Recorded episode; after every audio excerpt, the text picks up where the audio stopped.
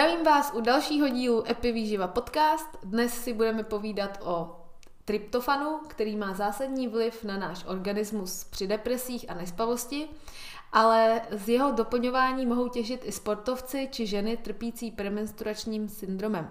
Na mé otázky bude odpovídat Blanka Pechková Gololobová, dáma, která se roky zabývá epigenetikou, vydala první knížku o epigenetice v českém jazyce a je také šéf-redaktor časopisu RAN.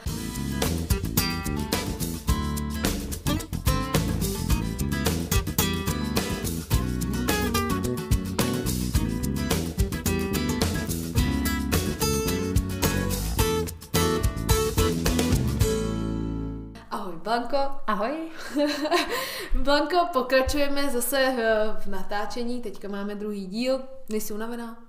Ne, v pohodě. Dobře. Takže začneme.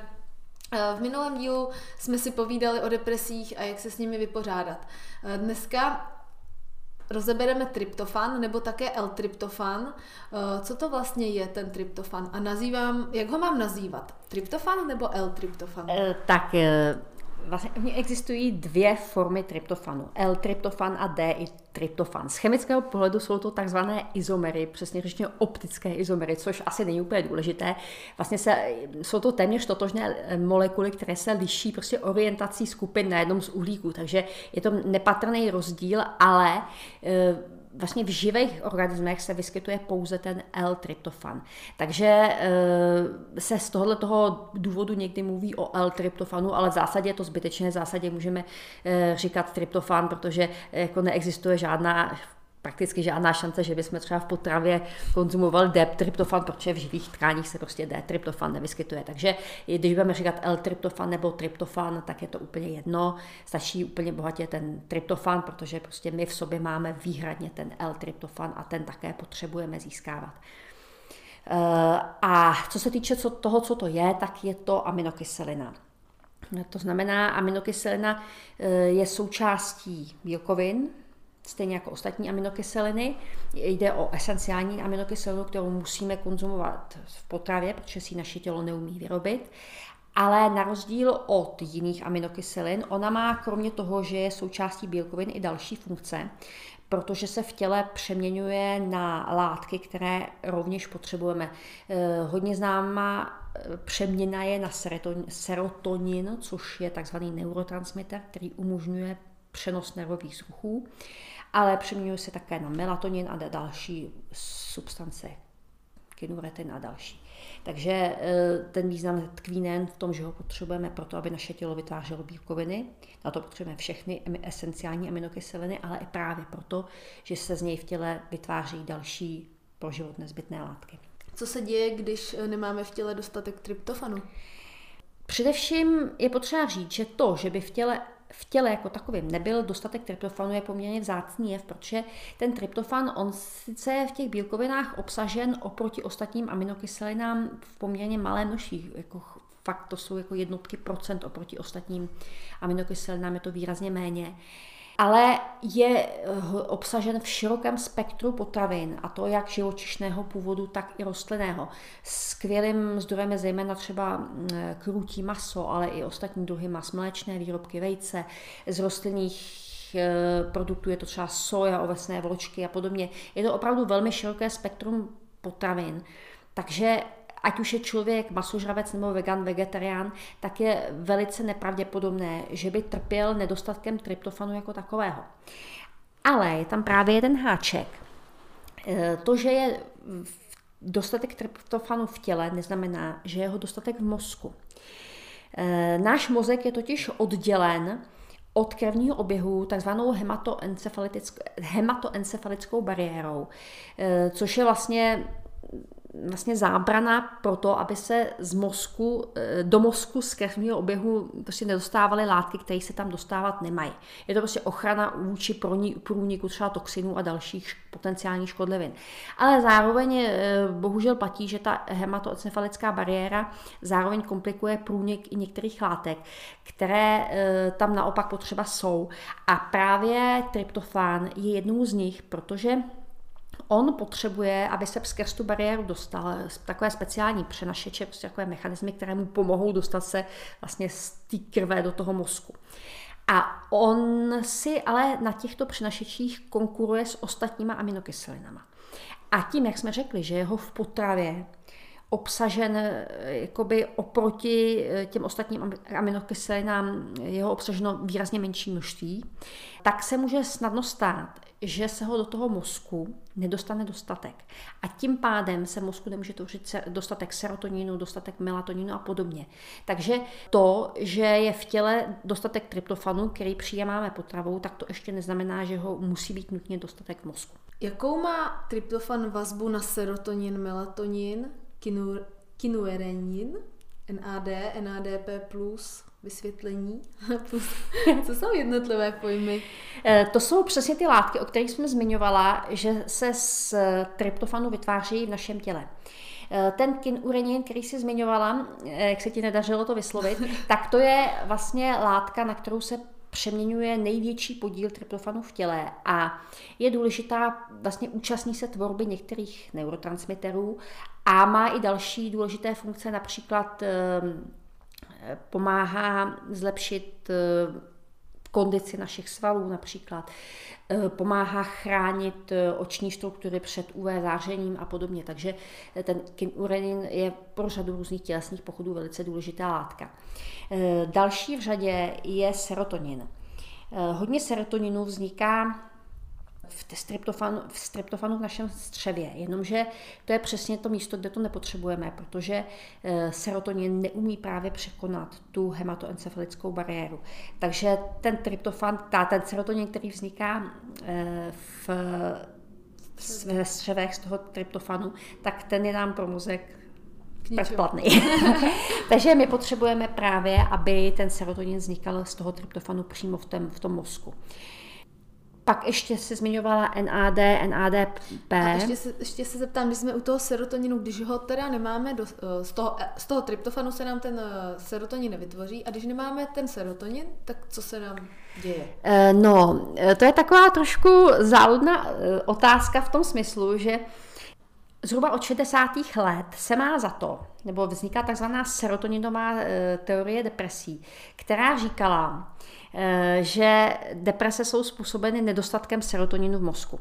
A na tomto principu fungují některá antidepresiva, eh, takzvaná, takzvané modulátory zpětné rezorpce serotoninu, které vlastně brání tomu, aby se serotonin, který na těch eh, nervových buňkách vzniká, na takzvaných synapsích. Totiž ten serotonin je důležitý k tomu, aby se přenesl nervový vzruch mezi dvěma nervovými buňkami. Vlastně po tom nervovém vláknu v rámci jedné buňky eh, to má vlastně elektrickou podstatu, ten přenos signálu. A když se setkají dva, dvě zakončení nervových buněk a má to přeskočit z buňky na buňku, tak eh, tam není přímý kontakt mezi nimi, je tam taková mezírka a aby se ta informace přenesla přes tu mezírku, tak to se děje právě chemickou cestou a k tomu jsou potřeba ty neurotransmitery. A v 60. letech minulého století vznikla ta serotoninová teorie, která říkala, e, že příčinou deprese je nedostatek serotoninu. Takže na základě toho se začala, e, začaly vyrábět právě tyhle ty antidepresiva, které ovlivňovaly právě to zpětné střebávání serotoninu a tím zvyšovaly právě koncentraci toho serotoninu na těch nervových zakončeních. Jenomže postupem času se ukázalo, že ta teorie je úplně chybná že z největší pravděpodobností ty deprese nejsou způsobeny nedostatkem serotoninu. Ale nicméně ta antidepresiva, která eh, zvyšují podíl serotoninu na, těch synapsích, tak z nějakého důvodu přesto fungují. A, ze a to samé platí i o tom L-tryptofanu, o tom tryptofanu. Prostě když z něj vzniká eh, v mozku dostatek serotoninu, tak to má pozitivní vliv na deprese. Ačkoliv pravděpodobně ten serotonin jakoby není tou příčinou, když je o tom nedostatek, ale přesto to zvýšení nějakým způsobem pomáhá. Takže e, to je právě e, takový nejznámější účinek toho tryptofanu, že pomáhá při depresích. Začala si povídat o tom NAD, NADP+. Jo, takže to jsou vlastně látky, které se tvoří v našich buňkách, kde fungují jako takzvané koenzymy, součástí enzymů. A NAD znamená niko, nikotin amidinukle... Am, teď se do toho strašně zapotám. Nikotin amidinukleotid a to P je tam navíc ještě fosfát. A to jsou právě takzvané koenzymy součástí, enzym, součástí enzymů, které se účastní produkce buněčné energie, například vzniku takzvaného ATP, adenosine trifosfátu, což je vlastně látka, ze které buňka přímo čerpá energii pro své fungování. Ta nečerpá z glukózy, ale vlastně z ATP, které se doplňuje právě metabolismem té glukózy třeba. Jo, takže eh, pokud máme nedostatek těchto těch látek, toho NAD a NADP, tak eh, se může narušovat produkce buněčné energie. Takže tam z tohoto toho důvodu je ten L-tryptofan potřeba, protože je to jedna z látek, eh, z nichž tyhle ty látky můžou vznikat. Pak ještě také z niacinu z vitamínu B3. A ještě jsem nezmínila jednu důležitou látku, která... Melatonin? Melatonin, ano. A ještě, až budeš zmiňovat, tak jenom jestli bys i řekla, co, co se zase děje, když ho nemáme dostatek. Eh, melatonin je takzvaný spánkový hormon, se mu někdy říká. Je to hormon, který je produkován naší epifýzou neboli šišinkou a který má na organismus tlumící efekt a umožňuje nám vlastně eh, navodit hluboký občerstvující spánek. Když máme nedostatek melatoninu, tak máme problém jak s usínáním, tak s hloubkou a kvalitou toho spánku. Takže eh, pokud máme nedostatek L-tryptofanu, tak se netvoří nejen serotonin, ale netvoří se ani melatonin. A to znamená, že je narušen spánek. Uh-huh. A když si teda ten melatonin představuju uh, jako člověk bez nějakého širšího vzdělání. Představuji si to dobře, že je to vlastně, mm, když, když nemám melatonin, tak třeba já denně funguji, je tady spousta stresu, spousta různých látek, co útočí na moje tělo, eh, různých faktorů a když se teda jakoby dobře nevyspím, když mi chybí ten melatonin, tak eh, vlastně to moje se, tělo se nestihne za tu noc jakoby dostatečně očistit a vlastně zregenerovat na další den. Přesně tak, on spánek je jeden z opravdu výrazných epigenetických faktorů, takže pokud nespíme, tak nejen jsme unavení ten následující den, ale zároveň se v našem těle kumulují negativní epigenetické změny na naší DNA, to znamená mění se aktivita genů v naší DNA, takže právě nedostatek spánku eh, ve výsledku má i výrazné dlouhodobé účinky, jak třeba na mozek a jeho fungování, tak i třeba na zvyšování rizika některých nemocí. A právě ten melatonin nám umožňuje usnout, prostě navodit ten hluboký spánek, usnout a mít kvalitní spánek. Um, melatonin se ještě, eh, je důležité říct, že i melatonin se dá užívat jako doplněk stravy. To vím, to jsem slyšela. Ale e, obecně vlastně je to hormon a užívání hormonu je vždycky takový trošku ošajslich, jo, protože ten hormonální systém je vzájemně proházaný a strašně citlivý na různé změny a když, když prostě se tam něco něco prostě posune nějakým špatným směrem, tak to může negativně ovlivnit celý hormonální systém v těle. A z tohoto toho důvodu je vždycky užívání jakýchkoliv hormonů poměrně riziková věc. Takže eh, ten melatonin eh, Třeba on se někdy používá u toho takzvaného jetlag syndromu, kdy dochází k roz, eh, rozštelování těch biologických hodin při dlouhých přeletech přes časová pásma. Takže tam asi to užití toho melatoninu v momentě, kdy někam doletím do nějaký cílové destinace nebo se z ní vracím a chci normalizovat ten biologický rytmus, ten, ty biologické hodiny a usnout v okamžik, kdy jako je zrovna v tom místě noc, tak tam ten melatonin asi jako třeba roli hrát pozitivní může, ale samozřejmě to může hrát i ten L-tryptofan. Ale z toho dlouhodobého hlediska bych ho prostě neužívala. Nehledě na to, že já obecně se bráním tomu, abych dlouhodobě užívala jakýkoliv látky, který by si v ideálně mělo moje tělo vyrábět samo. Protože tělo je jakoby z podstaty líný, z podstaty šetří energii, takže když něco nemusí dělat, tak to prostě nedělá. Takže v momentě, kdy užívám něco, co vlastně to tělo by mělo vyrábět samo, eh, tak eh, tím snižuju jeho schopnost to vyrábět a jeho ochotu to vyrábět. Takže, ty důsled, takže důsledek může být ještě vyšší narušení té tvorby toho melatoninu. Takže to je další důvod, proč bych se bránila přímo užívání melatoninu eh, v případě nespavosti, ale ten L-tryptofan může mít vlastně podobné účinky. Má i do jisté míry jakoby okamžitý účinky. Když si ho vemu hodinu před spaním, tak mi pomůže usnout a navíc on se metabolizuje postupně, takže i postupně prostě během té noci pozitivně ovlivňuje kvalitu toho spánku. Super, já jsem právě přesně, jsem ráda, že si to zmínila, že vlastně když si eh, dodáváme do těla něco, co to tělo přirozeně má vyrábět, tak tím, že přece logicky mu to dám, tak to vyrábět prostě nebude a právě to jako připadá, Připadá mi špatný, že si ten melatonin lidi můžou koupit bez předpisu. Hmm. Podle mě by melatonin měli, měli jako předepisovat psychiatr nebo psycholog nebo člověk, který stanoví, že je to jako důležitý, ale Viděla jsem to a dá se to koupit.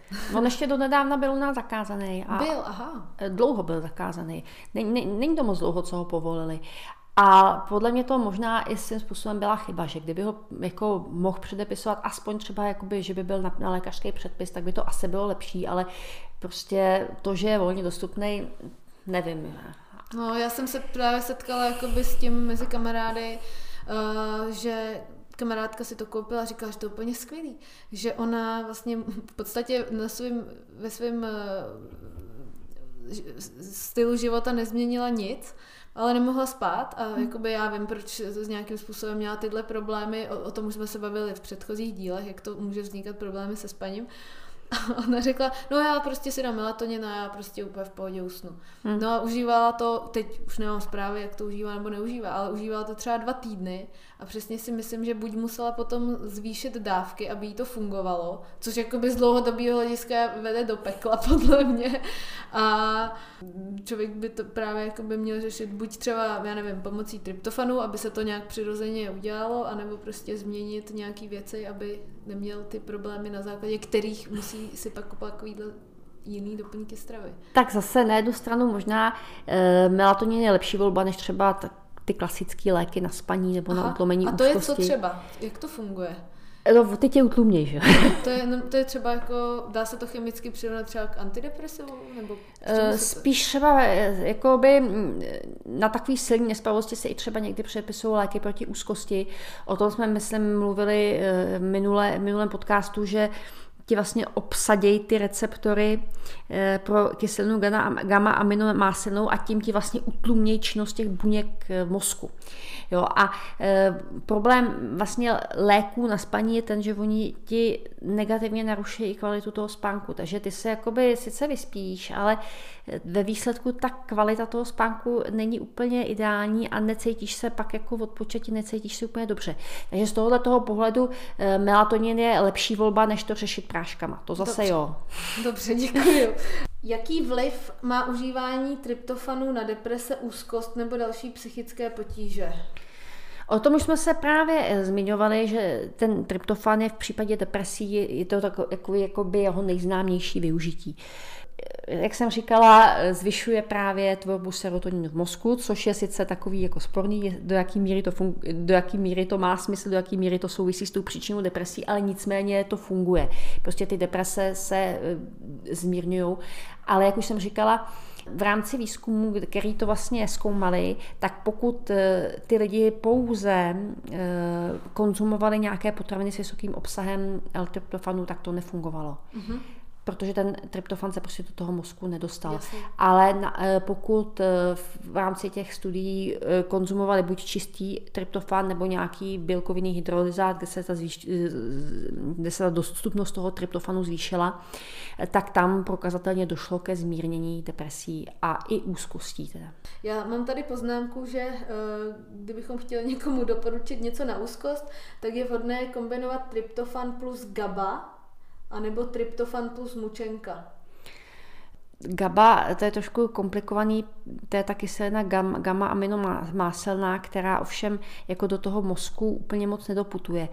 E, mučenka je výborná kombinace jak na spaní, tak na úzkost. To je jedna z takových těch nejúčinnějších bylin, e, které jsou právě na obě tyto oblasti, na úzkost i na nespavost. Takže a i může být e, jakoby vhodná při depresích, ale neužívala bych ji přes den, protože ona má přesně takový trošku tlumivý Má, účinky. Zkouši, zkoušela jsem to v létě, je to super, ta účinka.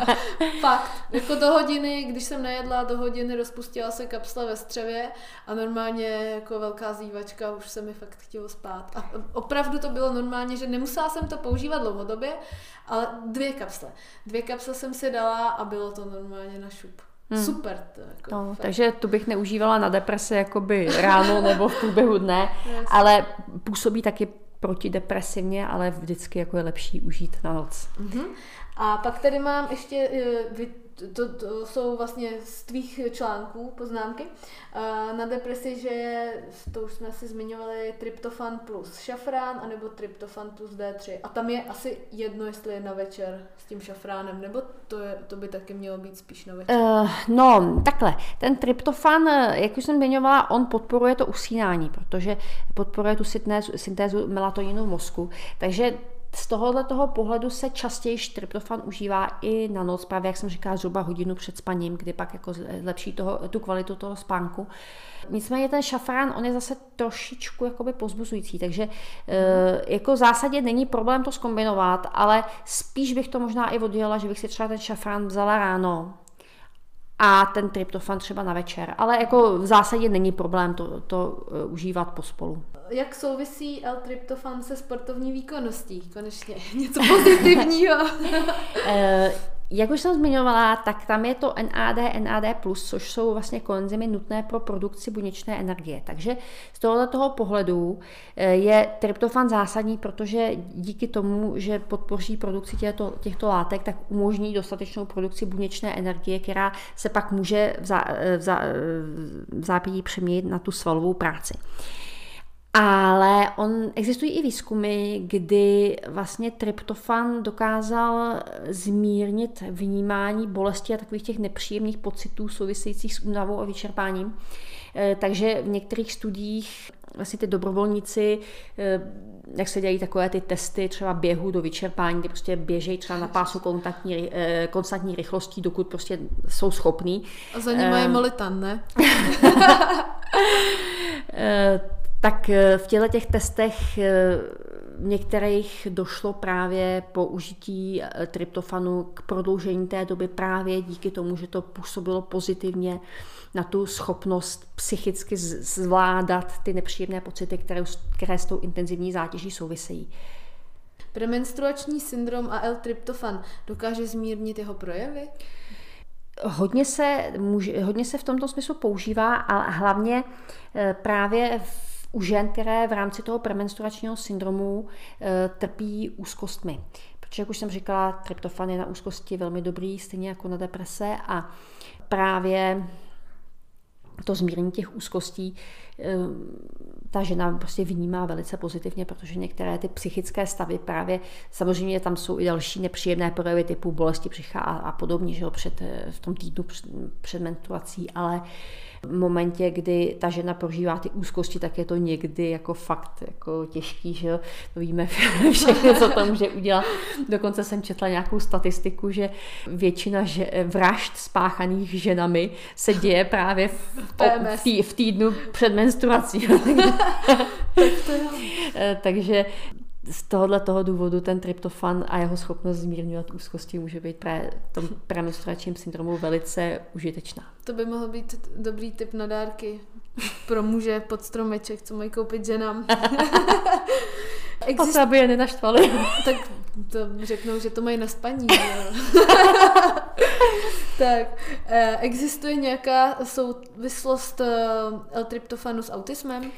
Eh, existují nějaké výzkumy, které tohleto jako naznačují. Eh, těch výzkumů bylo zatím provedeno jako jenom velice málo, takže eh, rozhodně se nedá říct, má někdo autismus, dejte mu L-tryptofan, ale každopádně jako podle výzkumu dokáže L-tryptofan pozitivně ovlivnit sociální chování a nějaké emoční projevy. Takže z tohoto toho pohledu může být při tom autismu užitečný. A teď mě napadá k tomu autismu, ale nevím, jestli to nebude úplný nesmysl a blábol. Eh, říkali jsme, že ten eh, tryptofan zabezpečuje nějak eh, nepropustnost toho střeva.